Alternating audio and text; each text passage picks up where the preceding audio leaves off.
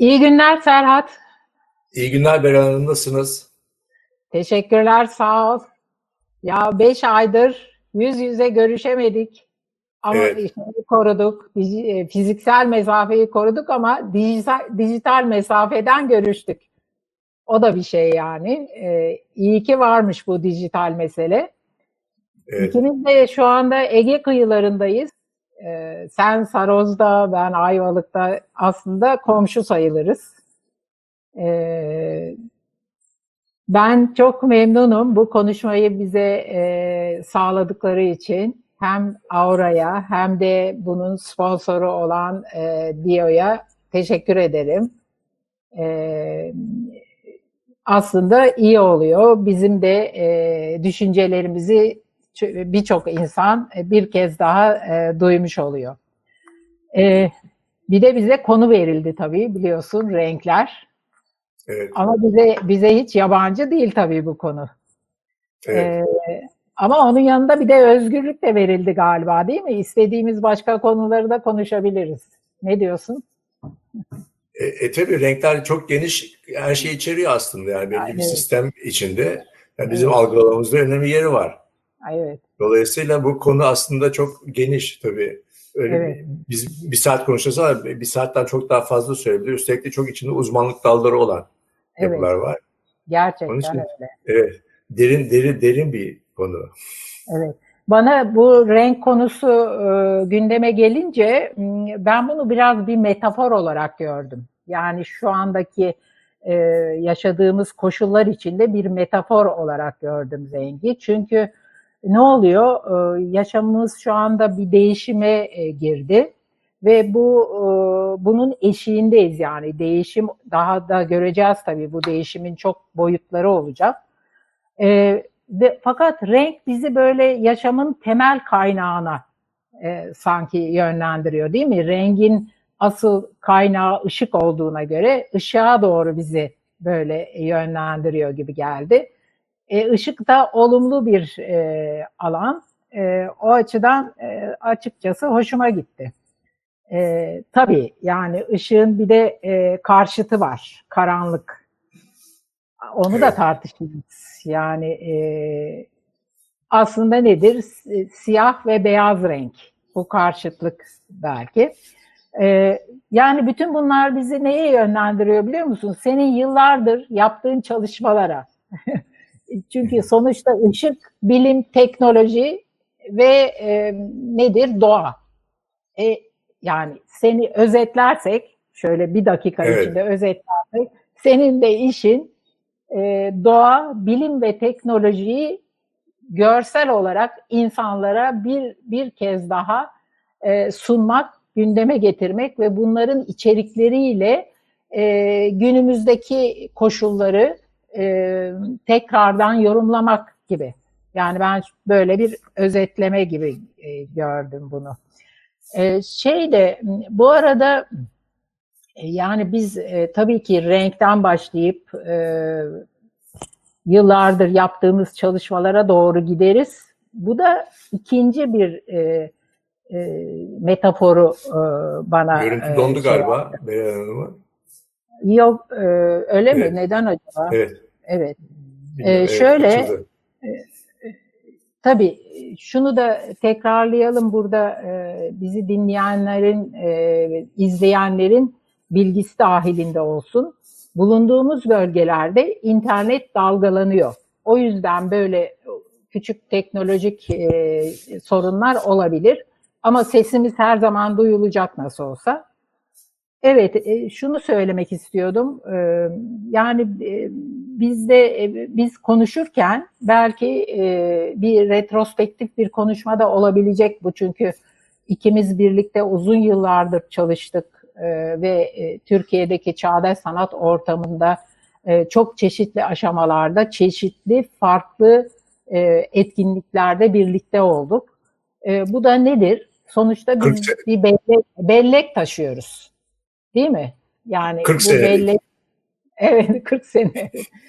E, bu belleğin bir şekilde e, dışarıya çıkması lazım zaman zaman. Yani arşiv olarak veya işte bu tür konuşmalar olarak. O nedenle bu tür konuşmaların çok yararlı olacağını düşünüyorum. Özellikle genç kuşak e, bunlardan yararlanır. Bir şey daha, e, şu andaki e, gerçi bir koronavirüs e, döneminin kendine özgü bütün koşullarını yaşıyoruz ama bundan çok kısa süre önce yaşadığımız dönemin başlıca koşulunun hakikat sonrası dönem oldu. Yani hakikate müdahale edilen dönemde yaşadığımız söyleniyordu.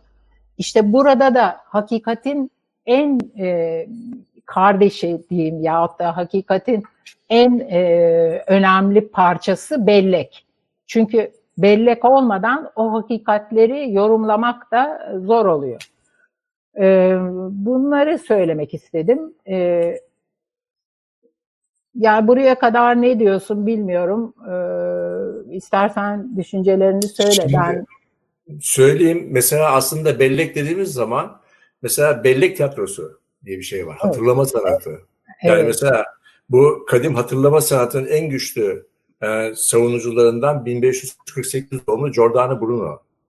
Evet. Giordano Bruno mesela da kişiliğini buluyor. Aynı zamanda mesela Shakespeare'in Globe Tiyatrosu Aynı ha. zamanda Robert Fuller'ın bellek tiyatrosu olarak kurduğu bu bellek tiyatrosu. Yani biz evet. aslında her şeyi hatır, hatır, hatırlıyor, hatırlı, hatırlamak zorundayız. Yani evet. hatırladığımız zaman bunu yeni, yeniden yeni bir yapıya doğru transfer etmek zorundayız. Aynen. Yani evet. Ben şöyle bir şeyden bahsetmiştim.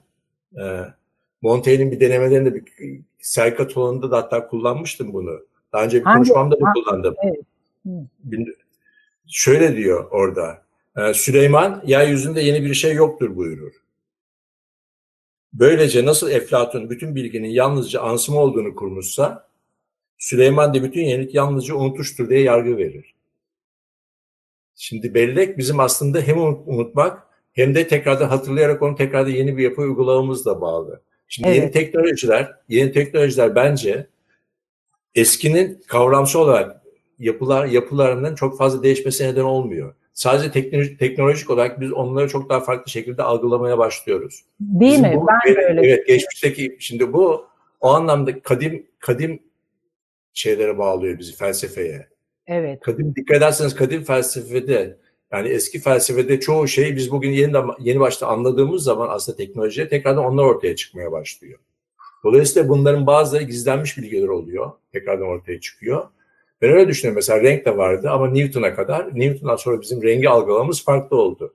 Bugün evet. yeni bu optik aletlerle çok daha uzay, uzay görerek çok daha farklı algılamalara gidebiliyoruz ve bunları birbirine çevirebiliyoruz. Mesela şimdi evet. havadan gelip bu görüntülerimiz bizim gelebiliyor. Bu yeni teknolojiyle mümkün ama bu evvelden beri var mıydı? İşte şimdi burada evet. mesela işte felsefedeki o yapıda ortaya girmeye başlıyor. Yani evet. So, çünkü o zaman soru soruyoruz. Biz bunu nasıl oluyor? Birileri sorduğu için bu teknolojiler gelişiyor. Ama bu teknolojinin aslında bir bakıyoruz ki çok daha evvelden beri kullanılır haldeler. Evet. E, işte e, tabii herkesin bildiği şey e, işte 1800'lerde e, Goethe'nin e, bu renk öğretisi e, Sur Farbenlehre diye e, evet. kitabı. Bu tabii çok temel bir kitap ama o kendisi de senin dediğin gibi antik çağlardan beri sürmekte olan renk kuramlarını inceleyerek buraya geliyor ve kendi yaşadığı dönemdeki e, koşullara göre yeniden bir e,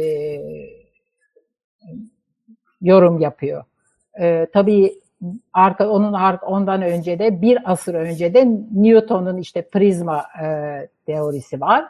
Bunların hepsi geliyor e, kimde e, kesişiyor biliyor musun? Senin çok üstünde durduğun bir e, düşünür de Ludwig Wittgenstein'da. Wittgenstein evet. Sonunda evet bu Goethe'nin e, renk teorisini alıyor. Tam olarak ama ona katılmıyor. Bir takım farklı e, yönlerini e, açıklıyor şeyi şeyde. Valla işte 20. E, yüzyılda da bir bakıyoruz. E, önemli bir ressam Joseph Albers yani Almanya'dan e, Amerika'ya, Birleşik Amerika'ya göçen Joseph Albers e, bütün bunların üstüne e, yani Avrupa'daki bilimin, felsefenin e, yarattığı renk teorilerinin üstüne e, Amerika'da bir yeni bir renk teorisi geliştiriyor ve o da soyut dışavurumculuk, minimal sanat bunları etkiliyor zaman içinde. Yani de, e, şimdi konuştuğumuz gibi herkes birbirinin belleğinden yararlanarak yeni teknolojileri kullanarak ilerliyor. Bu renk teorilerinde çok belirgin bir şekilde görülüyor. Evet. E şimdi sen gene söyledin e, ne oluyor 21. yüzyılda birdenbire karşımıza dijital renk diye bir şey çıkıyor. E, evet. E, bunu da e, e, yani bu da çok ilginç. İstediğimiz gibi renklerle e, yani herkes o kadar e, demokratik ve özgür bir alan oluşuyor ki istediği gibi renkleri düzenleyebiliyor. Fakat şeyi de bilmek gerekiyor. Bu renklerin ne ifade ettiğini. Mesela alalım ele kırmızıyı. Kırmızı işte nedir? Sıcak bir renk. İşte ateş, kan, işte e, güç de ifade ediyor kırmızı. Heyecan da ifade ediyor. Bir şey de yani enerji de ifade ediyor. E, yani e, bunun için mesela e, Mark Rothko şöyle bir şey söylemiş. E, hayatta tek bir şeyden korkarım dostum. Bir gün siyah kırmızıyı yutacak. Nedense bu evet çünkü biliyorsun Mark Rothko da siyah ve kırmızı üstüne e, sürekli çalışmış. E, böyle renkler üstüne e, şeylerin e, sanatçıların bir takım e, ilginç sözleri var. Mesela Kandinsky turuncu ve sarıyla ilgilenmiş. Ve şey diyor, turuncu sarı tarafından insanlığa daha yaklaştırılan kırmızıdır diyor Kandinsky. E, turuncu biliyorsun çok kullanılıyor.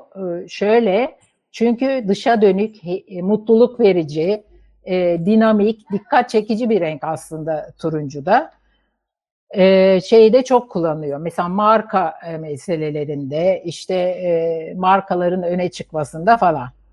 E, şeyi de söyleyeyim, Van Gogh da sarıya odaklanmış, sarı renge. Ve o çok e, e, iyimser bir yaklaşımla e, şey yapıyor. Sarı ne kadar sevimlidir diyor. How lovely is yellow diyor. E, çünkü güneşi ifade eder diyor. Zaten tabii resimlerinde de o güneş meselesi e, değil mi? Evet. Ha şimdi gelelim maviye.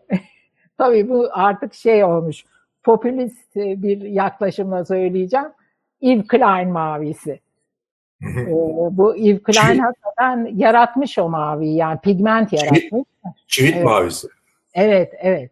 Ee, ona ait bir pigment o yani. O da şöyle diyor. Gördüğüm fiziksel maviyi kapıda, dışarıda, sokakta bıraktım. Gerçek mavi içerideydi. Mekanın hikmetinin mavisi.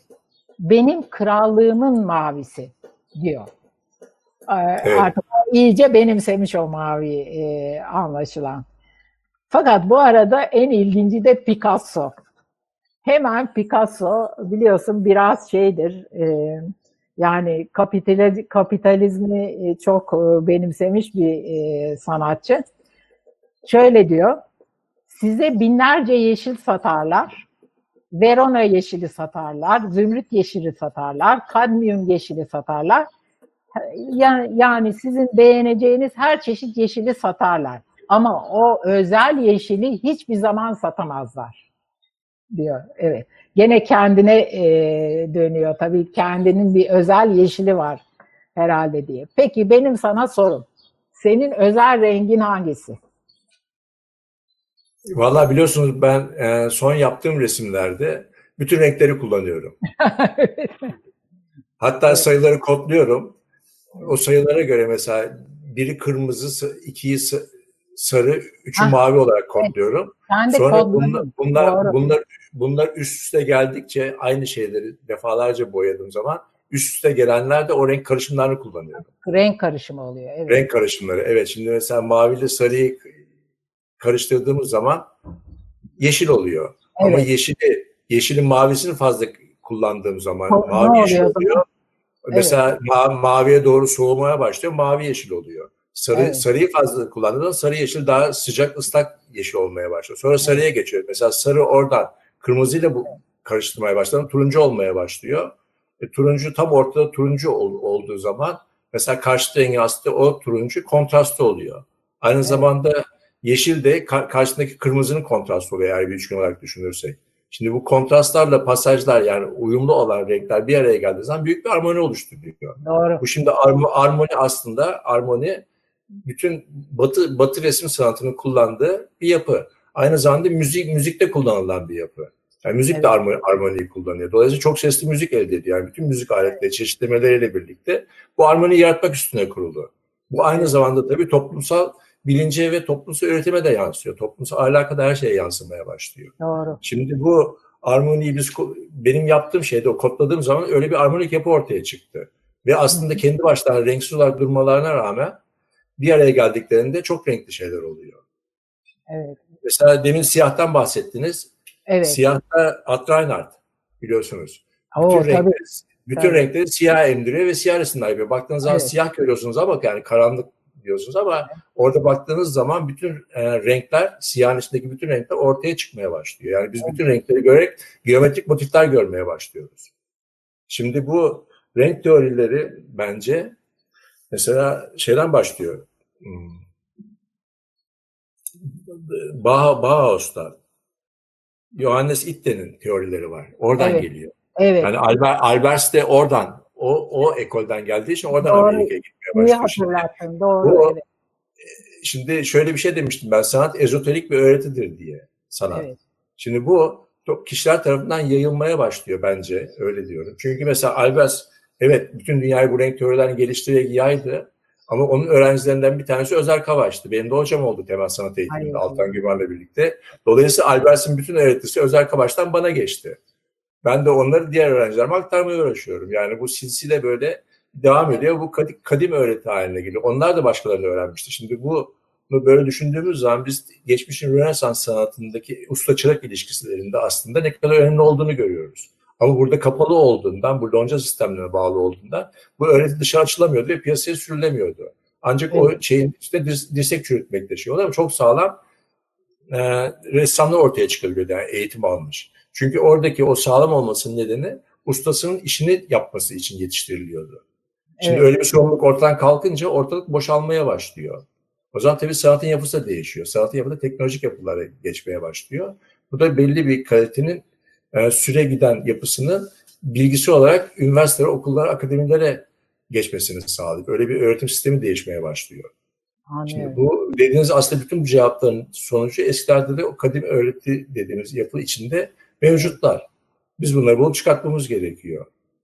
Mesela o dediğiniz Göte'nin de olsun, mesela Wittgenstein'in de olsun, yani Kandinsky'nin de olsun, renklerle bu şey arasındaki hepsinde sinestezik kişiler Evet. aslında yani. Zaten şeyin Kandinsky'nin e, kuramı da sinestezya.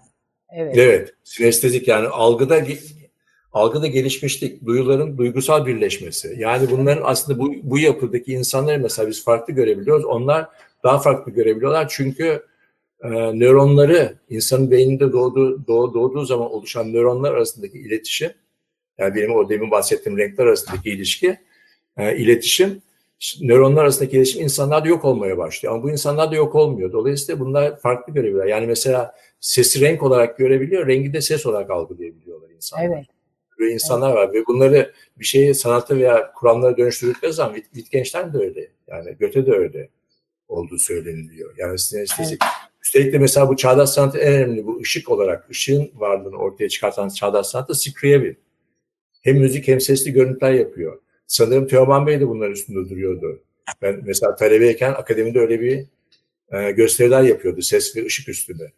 Ha, çok Hatta ışık, film üstündeki teşekkürler. yayın, yayınlamaları üstüne. Siz de onlardan Hat- bahsedebilirsiniz aslında. Evet, hatırladığın için e, çok teşekkür ederim. Gerçekten e, ses, ışık ve renk üstüne e, ilk çalışmaları yapan, ilk teknolojik çalışmaları yapan e, sanatçı Teoman Madra. biraz da fluxus bağlamındaydı bu çalışmalar çünkü performanslar da vardı. E, ve dediğin gibi Mimar Sinan Üniversitesi de ona kapısını açmıştı ve orada e, gösteriler yapıyordu. Işık ve e, yani ışık e, kaynağıyla çekilmiş fotoğraflar, e, diyaları e, yansıtıp e, mekanda renk ve ışık e, süzmeleriyle bir e, algı ortamı e, yaratmak. Yani bugün e, dijital sanat dediğimiz ya da medya sanatı dediğimiz sanatın e, o dönemdeki teknik aletlerin kullanılmasıyla e, yapılmış olanı diyebiliriz ona. Bir de tabii videolar da gündeme e, geliyor burada. E, çok iyi yaptın bu 70'li yıllardaki eğitim e, durumuna e, gönderme yaptın. Sen 79'da mezun oluyorsun. E, Mimar Sinan Üniversitesi yani o zamanki akademiden, Güzel Sanatlar Akademisi'nden ve daha mezun olmadan bile e, yani Türkiye'deki sanat üretiminin e, estetiğini, biçimini e, ve e, topluma ulaşma biçimlerini e, değiştiren bir e, grup kurdunuz. E, bu sanat tanımı topluluğu. E, yani burada ben sanat tanımı dediğim zaman şu anda bile Türkiye'de hani sanat deyince ne anlaşılıyor? Bunun da tartışmasını yapabiliriz. Yani geniş kitle hala sanatı doğru tanımlıyor mu? Bunu da konuşuruz belki daha sonra. Fakat e, şunu sormak istiyorum. Şimdi 70'li yıllar Türkiye'si başka, 80'li yıllar Türkiye'si başka, 90'lı yıllar Türkiye'si başka. Yani bunu siyasal, ekonomik, kültürel açıdan değişiklikleri e, söyle, e, söylemek istiyorum. Bunlar içinde yani bu 3-10 e, yıl diye düşüneceğimiz e, süreler içinde sanatını nasıl geliştirdin? E, biraz ondan bahsedebilir misin? Yani bunu e, bu da gerçekten e, yani bir bellek meselesi. Çünkü ben burada şeyi görüyorum. İşte 78 ile 81 arasında çok ciddi sergiler yapmışsınız. Bunların da e, belgeleri var tabii. E, yani bunları bir şekilde e, anlatmak için o belgeleri görmek gerekiyor ama biz şimdi konuşarak da belki anlatabiliriz diye düşünüyorum. Evet, e, biz o dönemde sanat tanımı toplu olarak birlikte grup sergileri yaptık. 80 e, yılında ben mezun olana kadar. Benim o zamanlar üstünde durduğum algılama üstündeydi. Algılama. Biz neleri algılıyoruz? Nasıl algılıyoruz? Herkesin algılamaları aynı mı? E, sanatta bu algılama sorunu nasıl ele alınıyor? İşte gerçekçilik nedir? Gerçek nedir? Bunların sanattaki önemleri nedir? Gerçek yansıtılabilir mi yoksa kendisi kendi başından mı yönetmek gerekebiliyor? Mesela herhangi bir şeyi dönüştürmek gerekiyor mu yoksa dönüştürmemeli mi? Mesela dile getirmeyeni, dile gelmeyeni dile getirmeye çalışmalı mı? Mesela şöyle bir şey üstüne durmuştum. Gösterilebilir olan söylenemez. Yani bir şeyin, bir şeylerin bir şeylere dönüşürken dönüşümler kümesi içinde çok dikkatli davranmak gerekiyor gereksiz işlerde yapmamak gerekiyor. Dolayısıyla bazı şeylere alet olunmaması gerekiyor. Sanatta sanatta da aslında tanımlarsak sanatı bunları çözersek sanattan bazı değerlerin yok olması, bazı değerlerin de yerine konması, hakların geri getirilmesi gerekirdir diye düşünüyorduk. Ben de ben şahsen öyle düşünüyordum. Peki, Dolayısıyla üretimlerimiz bunun üstüne kuruluydu. Yani şöyle bir şey diyordum ben. İnsan çok eski bir tartışmaya dayalı aslında. Ee, çok eski bir tartışmaya dayalı. Mesela evet. onu da şey yaptım. Sokrat'ın Sokrat'ın sorduğu bir soruya dayalı. Yani ki bunun içinde bütün her şey mevcut bu sorunun cevabında. Daha hala da bu sorunun cevabını biz nesneleri kendisinden mi öğrenmemiz daha doğru bir yoldur yoksa üstüne söylenenler üstünden mi öğrenmemiz daha doğrudur diye. Mesela sanatta da bu önemli. Biz yapıtın kendisinden öğrenilmesi gerektiğini savunuyorduk. Onun için bir takım e, mekan düzenlemeleri, aktiviteler ve süre söz konusuydu. Bu sergilerin düzenlenirken. Bu sergiler düzenlenirken de tabii yani bizim o dönemde yaptığımız veya diğer Avrupa'da veya Batı'da da yapılan yapılarda bunlar e, o zaman zaman dilimi içinde gelip geçici olan aynı zamanda aynı zamanda varlıklarını sürdürebilen ve de, gittikleri yere göre tekrardan düzenlenmesi gereken yapılardı. Serhat, işte bunlar bu, bunlar bu, evet. bu, bu söylediklerini 70'li yıllarda düşünmüş olman bunun adı e, sanat terim, teriminde öncülük. Çünkü o da neden sordum? Şunu sordum. Yani 70'li yıllar Türkiye'sinde bunları düşünmek normal miydi? Normal Şimdi, değil. Çünkü Türkiye e, çok farklı bir durumdaydı. Daha modernizmi tamamen e, yaşayamamış e, bir toplum, yaşayamamış bir kültür. E, halbuki siz modernizmi de sorgulayarak e, başladınız e, işe. Yani burada bir e, çok önemli bir öncülük var. Bunun altını çizelim. E, modernizmi de sorgulamak gerekiyor. Çünkü modernizm aslında bir yaratı, bir gereklilikten doğmuş bir sistem.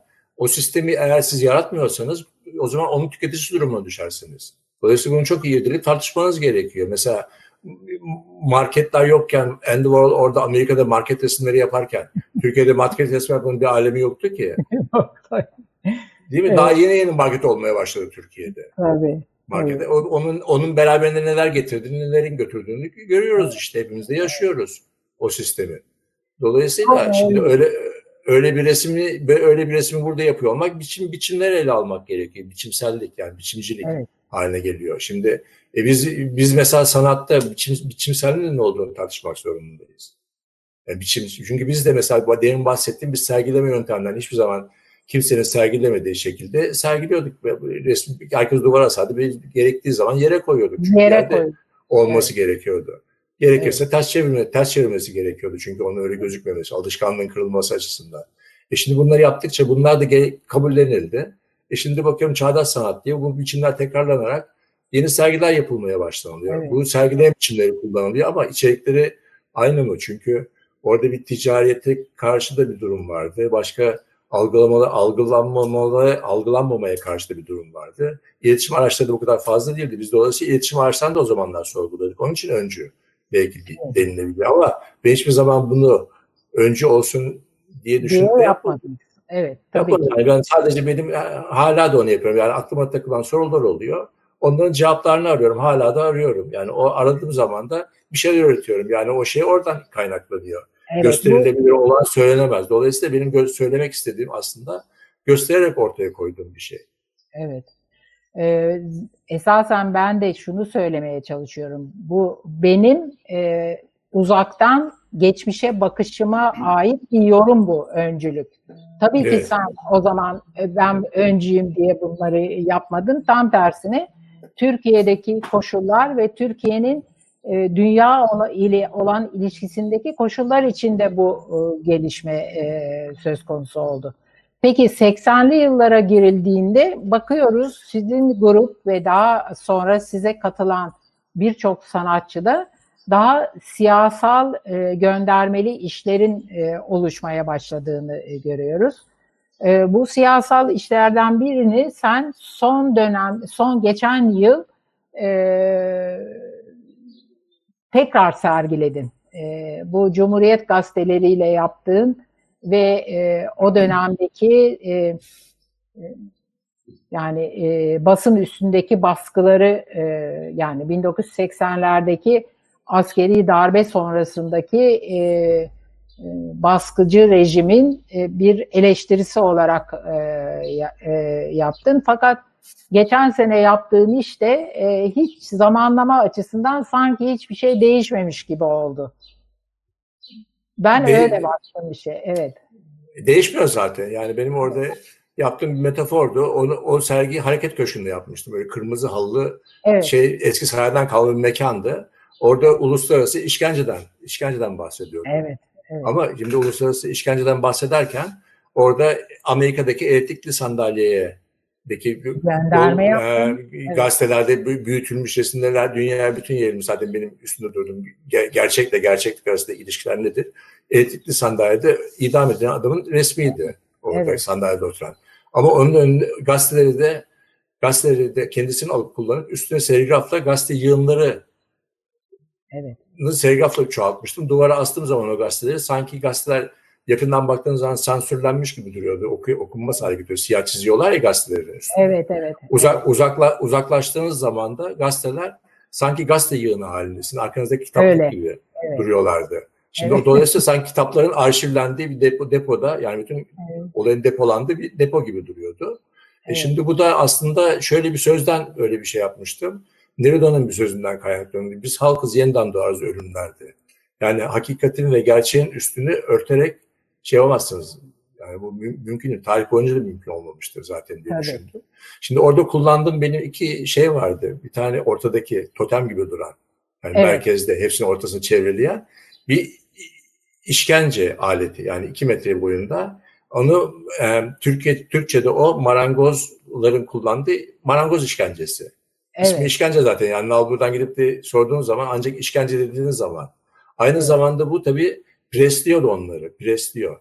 E dikkat ederseniz evet. de Batı basınındaki onun ismi pres. Pres aynı zamanda basın. Evet.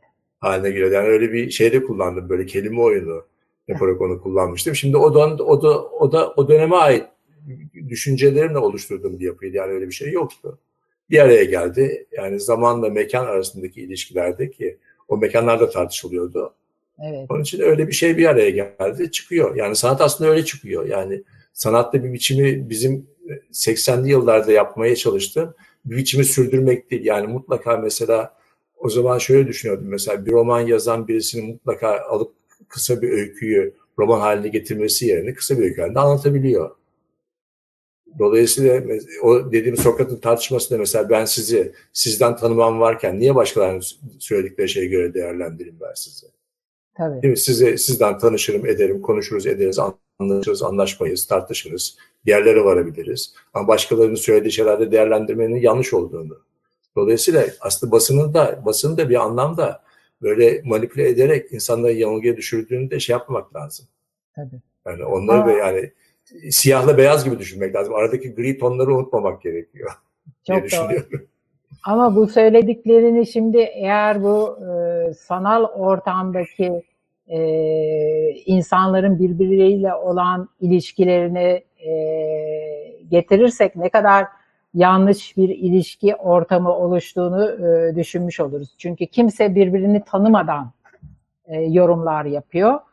E, tam söylediğinin e, ne e, yani e, zararlı olduğunu gösterdiğin e, olay gerçekleşiyor sanal ortamda.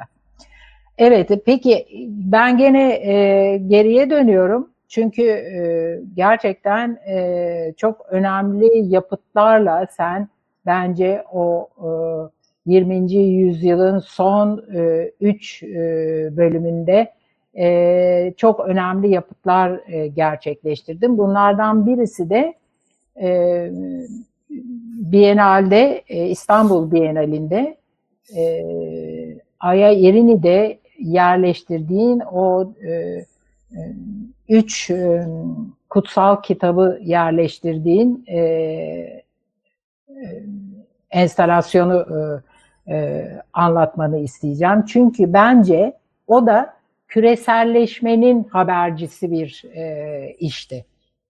Sen çok gene bir ön, önceden bir küreselleşme olacağını, kültürlerin birbirleriyle son derece ilişkili olduğunu orada o e, cam e, vitrinlerin içinde sergilediğin kutsal kitaplarla ve arkada da e, tam böyle Maleviç'e gönderme yapan e, neondan bir e, kare vardı.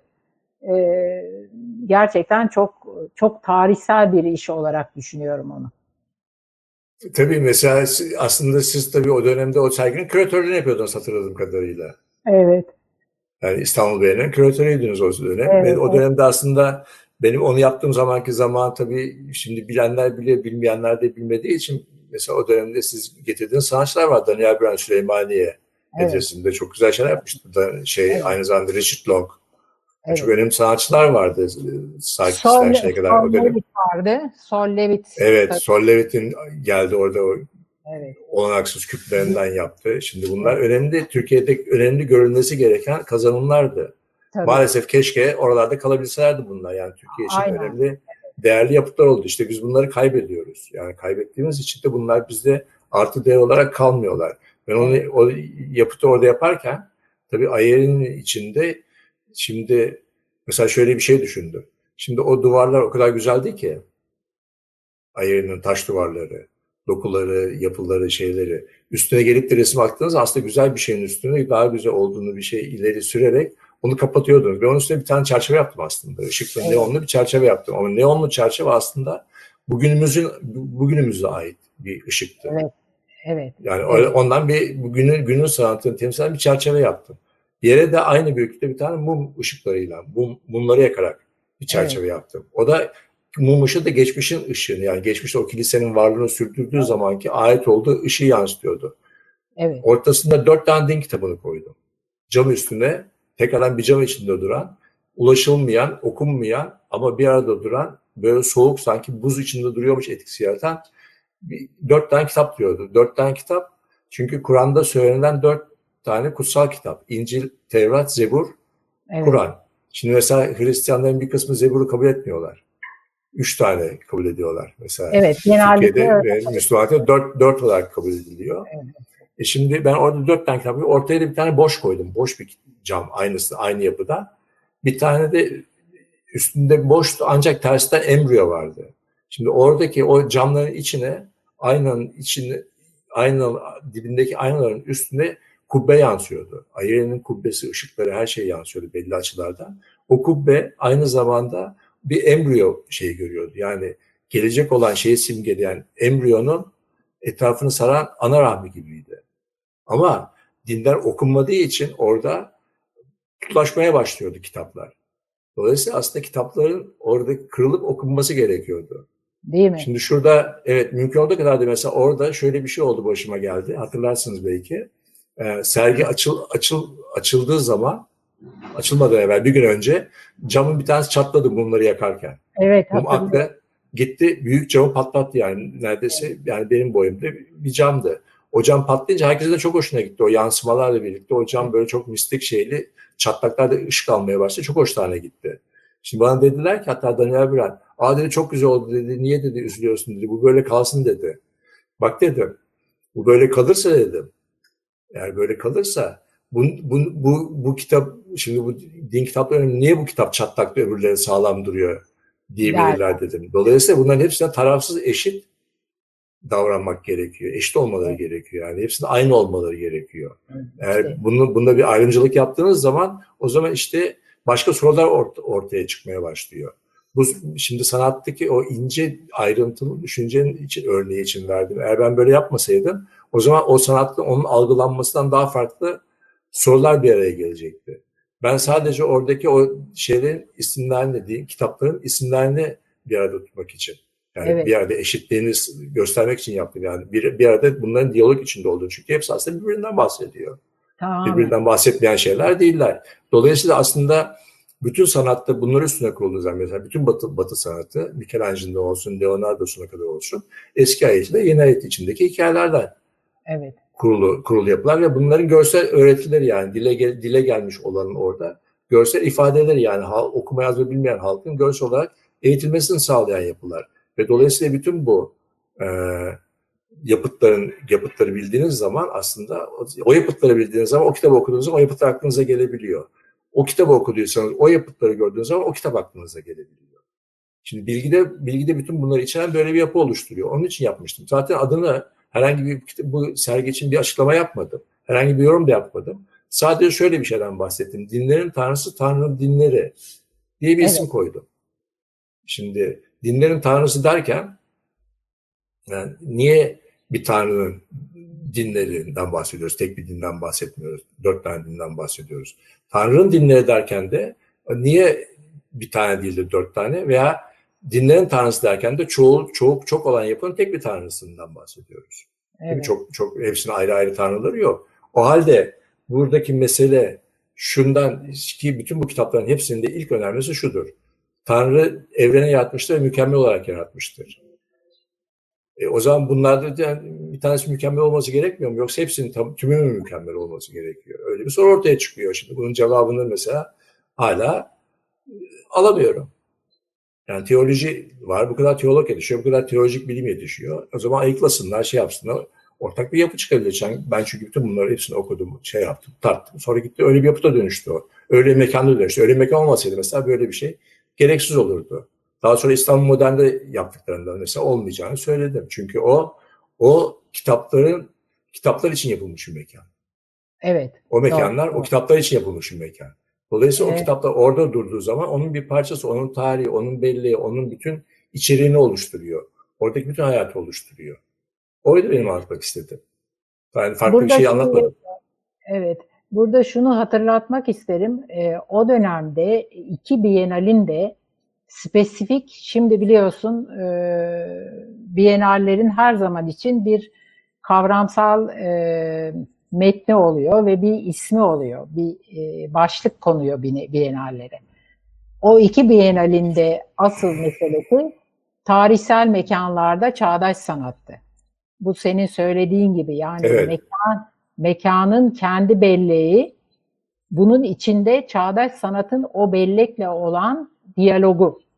Evet. Bu, bu bütün e, yani bütün sanatçılar bunu çok güzel e, anlayıp çok güzel işler, çok önemli işler üretmişlerdi. E, konuşmanın başında sen de değindin. Bu bu yapıtların Türkiye'de kalması gerekiyordu. Yani o zaman eğer koleksiyoncular olsaydı, bu yapıtları satın alsaydı gerçekten İstanbul'da çok önemli bir e, koleksiyon o, oluşmuş olacaktı.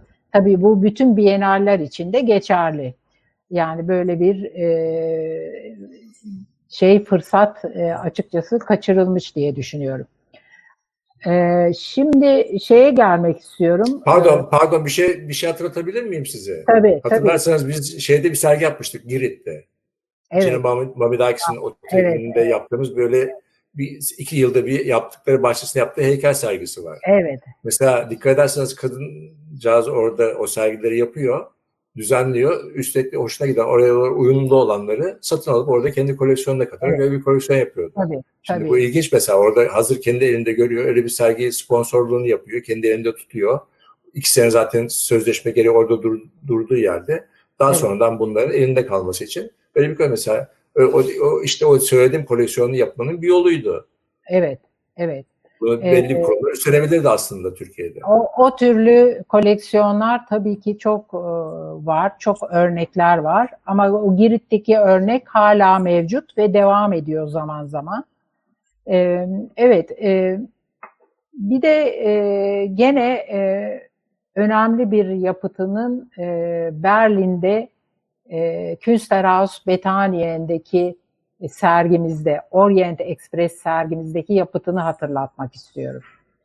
E, biliyorsun biz oraya gittiğimizde Berlin e, duvar kalkmış ve e, tabii çok büyük bir değişim. İki kutuplu dünyadan e, işte küreselleşmeye geçmiş bir e, dünya. Bunun da en simgesel e, metaforu Berlin duvarıydı. Berlin duvarı yıkılmış Berlin'in iki yakası birleşmiş ve biz e, Kreuzberg'de Künstlerhaus Bethanyen'de bir sergiye davet edildik. Ve sen orada e, herhalde en büyük enstalasyonlarından birini gerçekleştirdin. E, iki büyük e, inşaat iskelesi kurdun. Ve bu inşaat iskelesinin bir tanesi boştu, bir tanesi de doğa, teknoloji ve kültür fotoğraflarıyla e, doluydu. E, tabii bu Berlin için önemli bir e, yapıttı. E, çünkü o sırada Berlin'de müthiş bir inşaat faaliyeti vardı. E, tabii sen bunu hemen fark ettin ve o iskeleleri o şekilde e, o, me o mekana getirdin. Evet. Ee, bunun üstünde de konuşabilir misin? Ee, biraz anlatabilir misin bize? Tabii anlatayım aslında. E, o yaptığım iki tane büyük konstrüksiyon Doğu Almanya'ya gidip bulmuştuk. Aslında o zaman da o Alman çalışanlar bayağı tedirgin olmuşlardı. Doğu Almanya'da gidip eski bir yerde eski iskeleleri bulduk orada kurmuştuk. Üç tane küpten oluşuyordu. Üçer tane küpten oluşuyordu bunlar. Evet. Yedi gün ismi şeydi. Yedi gün ışığı ikizi. Ya. Sizle birlikte yapmıştık. Yedi gün ışığı ikizi yani iki tane iki ayrı büyük düşünce üstünde onu düşünmüştüm. Evet. Serginin konstrüksiyonu. Üstelik de o mekan tepesinde o borularla yapılmış bir çatı, çatı vardı, uzay çatı.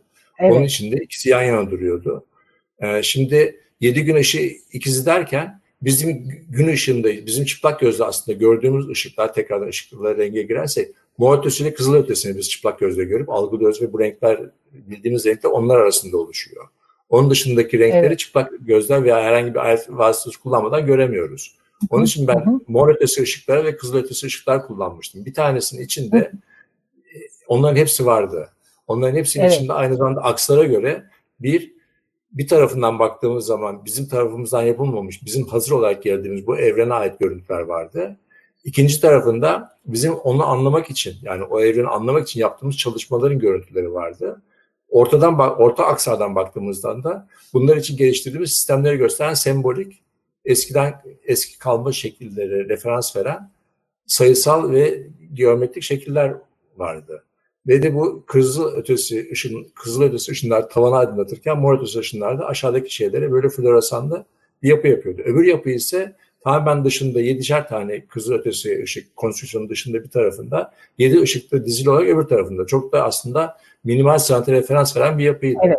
Her ikisi, evet. her ikisi aynı aynı ölçekte, aynı büyüklükte konstrüksiyonlardı eski evet. şeyden kalmayı temsil eden. Bunu şunun için yaptım. Dikkat ederseniz bizim iki ayrı düşüncemiz var. Bilgi ve hatırlamak konusunda. Birisi e, tabula rasa yani ge, geçmişe ait olan bir, hiçbir şey yoktur. İnsan boş yüzü olarak doğar ve her şeyi sonra da öğrenerek bütün bunları kurar. Ve bütün bunları arasındaki ilişkileri kurar. Diğer yani... ise Platon'a dayalı sistem biz de her şeyi bilerek doğarız, zamanla bunları ortaya çıkartırız. Yani mağara istarisinde söyledi. Biz bunları aslında bir, doğduğumuzda her şey vardır. Ve bunun içinde. Oysa benim orada yaptığım bir üçüncü şey vardı. Gözükmüyordu o. Yani ortada aynı aynı büyüklükte bıraktığım bir boşluk vardı. Boşluk. Dolayısıyla evet. biz bugün e, bugünkü yaşamımızda bilimsel olarak da, düşünsel olarak da, felsefi olarak da daha ikisinden bir tanesini doğru olarak şudur diyebileceğimiz şekilde kanıtlamadığımız için bu ikisinin arasında geliştiriyoruz bütün felsefe düşüncelerimizi. Gerekli zaman bu tarafa kayıyoruz, gerekli zaman bu tarafa kayabiliyoruz. Dolayısıyla insanlara bir oynaklık, esneklik ve lafazanlık alanı da açmış oluyor. Dolayısıyla biz bunları zamanla öğrendiğimiz zaman işte bu insan beyninin oluşumlarını, nöronların çalışmalarını ki gittikçe bilimsel olarak bunlar ölçülebilir, biçilebilir hale geliyor. O zaman belki bu sorun ortadan kalkacak. Evet. Onları şey yaparak. Dolayısıyla biz 7 gün ışığı ikiz derken 7 günde iki ayrı ikizle yaşıyoruz. Yani bu aslında hem çelişkiler hem tutarlılıkları meydana getiriyor. Niye biz bu karşıtlıkları kabul edeceğiz? Karşıtlıklarla yaşayacağız ve bunları çözmeye çalışacağız. Ki bu aynı zamanda bilimsel çalışma oluyor, sanatsal çalışma oluyor. Bütün bunları içeriyor. Ya da sadece hiçbir şeyle ilgilenmeden artık ne derlerse öyle yaşayacağız diye düşünüyorum. Evet. Biz birlikte e, çok iyi çalıştık değil mi? Yıllardır e, birçok sergide birlikte çalıştık ve e, şöyle söyleyeyim, e, yani aramızdaki diyalog her zaman e, e, önemli yapıtların oluşmasına da e, yardımcı oldu.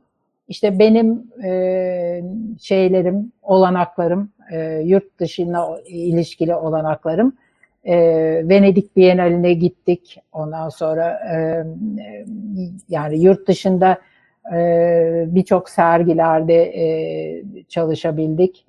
E, ve e, senin de mesela e, Almanya'daki e, o e, Darmstadt'ta galiba değil mi müzedeki evet. büyük bütün müzeyi e, kullandığın işin var. Evet. E, evet. Dolayısıyla e, ben seni şöyle görüyorum. E, bunu geçen gün de e, sordular. Serhat Kiraz Türkiye'deki çağdaş sanat gelişmeleri içinde e, en e, önemli sanatçımızdır diye e, düşünüyorum. Çünkü her zaman için şimdi anlattığım gibi içinde yaşadığımız süreçleri en yani hakikati ortaya çıkaracak şekilde yorumlayan işler üretti. E, ben bugün Türkiye'deki en önemli sorunun bu hakikat sorunu olduğunu düşünüyorum. E, insanların hakikati çok değerli görüp onun için, ona ulaşmak için kendilerini yetiştirmeleri gerektiğini düşünüyorum. Sen gerçi e, eğitim veriyorsun. Nasıl görüyorsun gençliğin e, Türkiye'deki e, yani Türkiye'deki gelişmeler, dünyadaki gelişmeler e, içinde ve son dönemde de galiba sen e, online e, dersler verdin. Nasıl görüyorsun gençliğin e, şu andaki durumunu? Şimdi gençliğin bu durum, anki durumundan öte şu hakikat meselesine yani hakikat üstünde durup yani çünkü şurada şunu da tekrar sanattan bahsedersek aslında bunu en güzel anlatanlardan yapıtlardan bir tanesi Atina Mektebi'dir. Rafael'in. Sistine Şapeli'nde olan Atina, Atina Mektebi'dir. Şimdi evet. şurada kullandığı bir yapı var.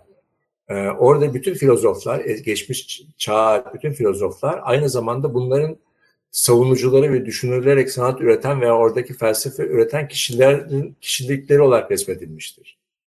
Mesela en merkezde olan kemerin altında duran Platon'dan Aristo'da e, ortada birisi Leonardo olarak yani Leonardo onun temsil ediyordu. Öbürü de Michelangelo olarak resmedilmiştir. Dikkat ederseniz Michelangelo daha gerçekçi, Leonardo daha metafiziğe yakın evet. yapılarda evet. resmetmiştir. Dikkat ederseniz bir tanesi e, gökyüzünü gösterirken, Leonardo evet. yani Platon gökyüzünü gösterirken, evet. öbürü yer, yeri, yeryüzünü göstermek. Yeri yani birisi ölçmeye dayalı bir eğitimden yanadır. Ölçmeye, biçmeye ve gerçekleri anlamaya bir biçimdedir. Ki kurduğu okulun ismi lisedir. Lise yani bir, bugün bizim kullandığımız lise eğitimi buna dayanmaktadır. Öbürü eğitime dayalı bir yapıdır. Platon'un öğretisi bizim bugün kullandığımız üniversite, akademiya. Akademi. Zaten. Akademiya. E buna buna buna akademiye dayalı. Dolayısıyla bu hakikatle ilgilidir. Zaten Almanya'da üniversitenin kapısında şey yazmaktadır. Burada gerçekleri öğreneceksiniz. Ancak bu gerçeklerle hakikati arayabilirsiniz diye yazıyor. İşte gerçekleri öğrenmeden, öyle bilimsel gerçeklerle üstünde durmadan hakikati aramaya başlanırsa o zaman lafazanlık olmaya başlıyor. Boş boş laf olmaya başlıyor. Yani dile gelmeyenin işte dile gelmemesi buradan başlıyor. Evet. Ama onu da anlatamıyorsunuz. Yani e, o zaman başka bir şey ortaya çıkıyor, başka bir sorun ortaya çıkıyor. Peki yani, üniversite ya, akli, ak, akli akli olanla nakli olan gibi sorun ortaya çıkıyor. E, sence e, bu son yıllardaki eğitim sürecinde de işte. nasıl e, deneyimledin? Yani nasıl bir değişiklik yapılması gerekiyor üniversitelerde? Eğitim sisteminde işte bu yapıların tekrardan gözden geçirilmesi gerekiyor. Yani geçmiş yapıların gözden geçirilmesi gerekiyor. Mesela biz bugün o, o yapıları kullanıyoruz aslında geçmiş yapıları. Mesela akademiyi kullanıyoruz. İşte üniversite akademiya hala bugün evet. uzantısı devam ediyor. E, lisede eğitimde aynı şekilde gidiyor. Hatta mü, müzeum diyoruz mesela müze. Evet. Şimdi evet. geçmişte mesela Hipetia, Hipetia evet. uzay hakkındaki bilgilerini belki bugün ki uzay bilgilerimiz arasında çok benzerlik gösteriyor. Evet. Onun, o dönemde mesela Muse'ler, Muse, İran perileri, mesela İran perileri var. Mesela evet. ismi onların olduğu e, öğretinin verildiği yerin ismi müzeum. Evet. Bizim bugün müze olarak kullandığımız yani bütün bilim adamların, bilim, bilimcilerin şeylerin toplanarak bilgilerin toplandığı kitaplıkların oluştu. İskenderiye'deki kitaplık aynı zamanda. Şey, İskenderiye'deki evet. kitaplık oluşturuyor. Şimdi e, bu bilgiler yok olursa bu kadim bilgiler biz yoksun kalıyoruz.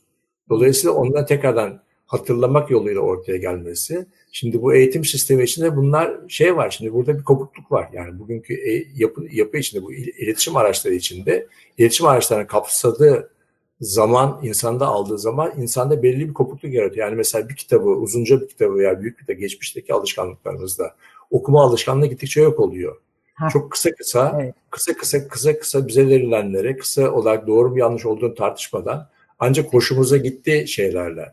Yani mesela onun biz raf, neyin rafine olduğunu bilmiyoruz. Dolayısıyla değer yargılarını o, o şekilde veriyoruz. Yani evet. bize sunulan, sunulan olarak değer yargıları veriyoruz. Evet. O değer yargılarını oluşturmamız gerekiyor.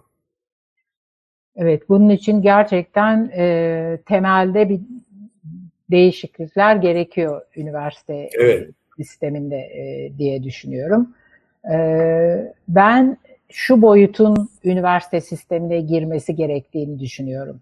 Uluslararası e, bir e, boyutun girmesi gerektiğini düşünüyorum. Yani uluslararası eğitimcilerin de bizim üniversitelerimizde ders verebilmesi. E, bu her zaman için istediğimiz bir şeydi fakat hiçbir zaman gerçekleşmedi ama bu olmadan da ben e, o gereken işte bu yani küreselleşme ve bunun e, getirdiği bir takım koşullara e, uyum sağlanamadığını e, görüyorum maalesef. Tabii şu da var, bizim alanımızda sanat ve kültür alanında eğitim alanların bir istihdam sorunu da var biliyorsun. Yani evet. e, üniversite bittikten sonra e, dışarıya çıkıldığı anda nerede çalışacak bu e, mezun olan ve belki de aralarında iyi eğitim almış olanlar var, doktora yapmış olanlar var, yurt dışı e, programlarına gidip kendilerini yetiştirmiş olanlar var. Hı. Ama dönüp geldikleri zaman Türkiye çapında iş bulmaları son derece zor oluyor. Çünkü Türkiye'de evet. e, kültür sanayi altyapısı henüz e, günümüzdeki gereksinimlere göre e, yenilenmedi. Yani e, şeyler, e, iktidar, iktidarlar diyelim, e, siyasal partiler kültür politikalarını e, bugünkü e, sanat ve kültür e, gelişmelerine göre yapılandırmadılar. E, örneğin İstanbul'da sen de çok iyi biliyorsun 39 e, ilçe var. Bu 39 ilçede kültür ve sanat merkezleri var değil mi? E, evet. Bunları görüyoruz. Bu binalar yapılmış ama içlerinde evet. uzman çalışmıyor. Yani evet. uzmanlar dışarıda, o binalarda e, uzman olmayan kişilerle e, kültür ve sanat işleri yürütülmeye çalışılıyor. Her her her alanda öyle. Ama ben gene daraltıyorum. Bizim alanımızda e, konuşmaya çalışıyorum. E, şimdi şöyle e, geçtiğimiz e, mevsimde yani koronavirüs öncesinde İstanbul'da bir çalıştay yapıldı. İstanbul Büyükşehir Belediyesi e, bir çalıştay yaptı ve bu düşüncelerimizi her kesim, her e, tür e, sanat üreticisi oradaydı e, ve herkes e, kendi e, alanındaki sorunları ve bunun çözüm e, yollarını sundu. Umarım İstanbul'da bundan sonra e, daha etkili bir kültür politikası oluşturul ve dediğim gibi her yıl bu üniversitelerden, e, üniversitelerin sanat fakültelerinden mezun olan gençlerimize de istihdam alanı açılır diye e, umut ediyorum. Başka e, bir şey söylemek istiyor musun? Yani benim konuşmam doğru yönlendirdi mi seni? Belki Şimdi, e, bana da bir şey sormak istersin belki bilemiyorum. Sa, sa, sa, sanatın sanatın e, istihdam konusu olarak yani sanat olarak şimdi sanat e, belli bir anlamda ticari kazanç veya tabii insanların yaşaması gerekiyor. Ama biz 80 yıllarından başlamıştık. 70 yıllarda bizim yaptıklarımıza hatta ne bu yani resim deseniz resme benzemiyor, heykel deseniz heykele benzemiyor. Böyle bir takım aktiviteler, şeyler yapıyoruz dediğimiz bugün güncel hale gelen yapıları ürettiğimiz zaman biz onun için iş demiştik bunu yani kendiliğinde iş bir yaptığımız bizim bir işti yani bir emek harcıyoruz, bir şey yapıyoruz ortaya. Bunu, buna iş demiştik. O, o da o da çok tartışılmış o dönemlerde hatırlarsanız. Evet. Yani bu tanım.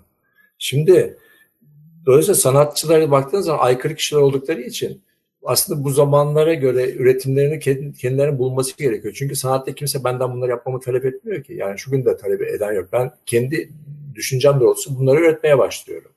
Hatta bir gün çalışmak isteyen olan bir şeyde şöyle bir espriyle bağ, bağlayayım. Sorduklarında çalışmak üstüne düşündüm bir anda bakın dedim benim işim dedim sanatla uğraşmak dedim. Ama insanlara sorduğum zaman dedim, insanlara sor, sorun bakın sorularda. Hani emekli olduğunuzda ne yaparsınız diye. Kimisi sinemaya gideceğim, kimisi resim yaparım, kimisi müzik müzikle uğraşacağım. Kimisi bütün sanat alan, alanlarını yapacağını söyleyeyim emekli olduğu zaman. Evet. Demek ki dedim ben dedim benim demek ki bütün işim emekli olduğu zaman herkesin yaptığı iş benim mesleğim olduğuna göre demek ki ben yani sanat böyle bir şey. Bo bo boşta olmak, bir şey yapmamak anlamında ele alınabiliyor. Evet. Boş zamanınızda ne yaparsınız diyor. Evet. Mesela e, değil mi? Aldığınız cevaplar bu oluyor maalesef toplumda. Evet. evet. Tabii e, aslında öyle olmaması lazım. Her evet. sanatçının üretiminin karşılığını bir şekilde e, o toplumdan alabilmesi lazım. İşte, Ama e, işte, bizim değer, toplumda... Değer, değer, değerlendirebilecek insan topluluğu lazım. Evet, evet. Tabii şimdi e, bu e, koronavirüs sonrası e, Türkiye'deki ekonomik e, durumun nasıl gelişeceğini şu anda e, ekonomistler tahmin ediyor da biz daha henüz e, tam olarak resmi görmedik. O zaman bakalım e, nasıl bir değişiklik e, olacak. Biz sergi yapabilecek miyiz Serhat? Elbet bir yöntemler bulacağız. Yani evet. Ee, 80'den sonra biz Füsun Onur'la birlikte, Gülsüm Erbil'le birlikte evet. mesela sokakta sergi yapmıştık. Evet. Olur mu diyorum. Atölyenin dışında sokakta çok da güzel oldu. Herkese çok ilgileniyordu aslında. Evet. Kaldırım mesela Füsun yani kaldırım kenarına bir su birikintisi yapmıştı. Üstünden atlayan küçük bir kız çocuğu vardı. Ha, mesela herkes onu su birikintisi olarak görüyordu. Evet. E, biliyorsun Füsun Onur e, bir sonraki 2021'deki Venedik Bienalinde Türkiye'yi temsil edecek. Evet. evet. evet. Bu da işte, e, o, onun için e, güzel bir e, evet. e, durum oldu. İşte bakın mesela Füsun da bellekle uğraşıyor. Mesela bütün evet, toplumun tamam. geçmiş belleğe Öyle, şey, şeyin belleğiyle uğraşıyor. Yani o anlamda bunların nasıl saklanacağı belli olmuyor. Yani bu evet. sanat bunları bir şekilde içinde saklıyor. Alıyor taşıyor yani. Sanat aynı zamanda konteyner vazifesi görüyor. Evet. Onu öyle öyle görmek gerekiyor. Ah, yani konteyner. evet, konteyner bence. Evet, Taşıyıcı yine, yani. E, renkle evet. başladık ama sonunda geldik gene belleğe ve sanatın bellekle olan ilişkisine. E, ben e, burada e,